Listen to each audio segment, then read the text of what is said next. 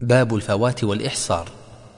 عن ابن عباس رضي الله عنهما قال قد أحسر رسول الله صلى الله عليه وسلم فحلق وجامع نساءه ونحر هديه حتى اعتمر عاما قابلا. رواه البخاري.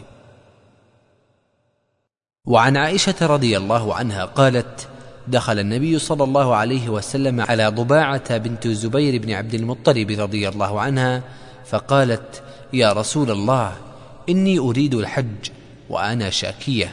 فقال النبي صلى الله عليه وسلم حجي واشترطي أن محلي حيث حبستني.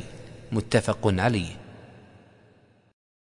وعن عكرمة عن الحجاج بن عمرو الأنصاري رضي الله عنه قال قال رسول الله صلى الله عليه وسلم من كسر أو عرج فقد حل وعليه الحج من قابل. قال عكرمة فسألت ابن عباس وأبا هريرة عن ذلك فقال صدق. رواه الخمسة وحسنه الترمذي.